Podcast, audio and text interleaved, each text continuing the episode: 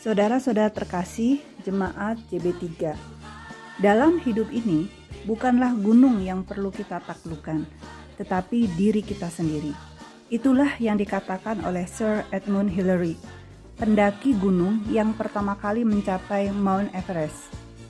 Disiplin diri adalah kesediaan menjalankan sesuatu yang positif bagi diri kita secara konsisten. Meskipun zona nyaman kita terusik,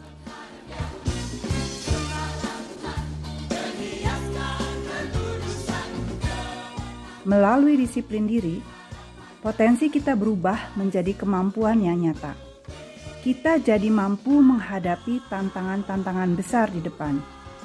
Disiplin diri perlu dibangun pada tiga aspek, yaitu pikiran, emosi, dan tindakan kita.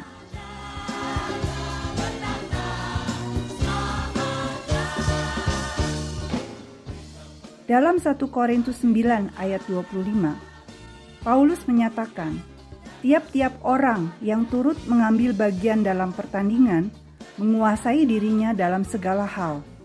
Mereka berbuat demikian untuk memperoleh suatu mahkota yang fana, tetapi kita untuk memperoleh suatu mahkota yang abadi. Marilah kita mulai dari tiga hal.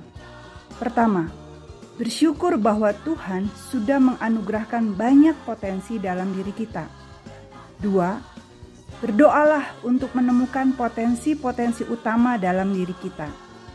Tiga, tuliskan rencana mengembangkan salah satu potensi tersebut, kemudian praktekkan dengan disiplin. Saudara-saudara, disiplin diri membuat kita tidak sekedar sibuk dengan banyak aktivitas, melainkan membuat potensi diri kita berkembang secara maksimal. Tuhan memberkati kita semua.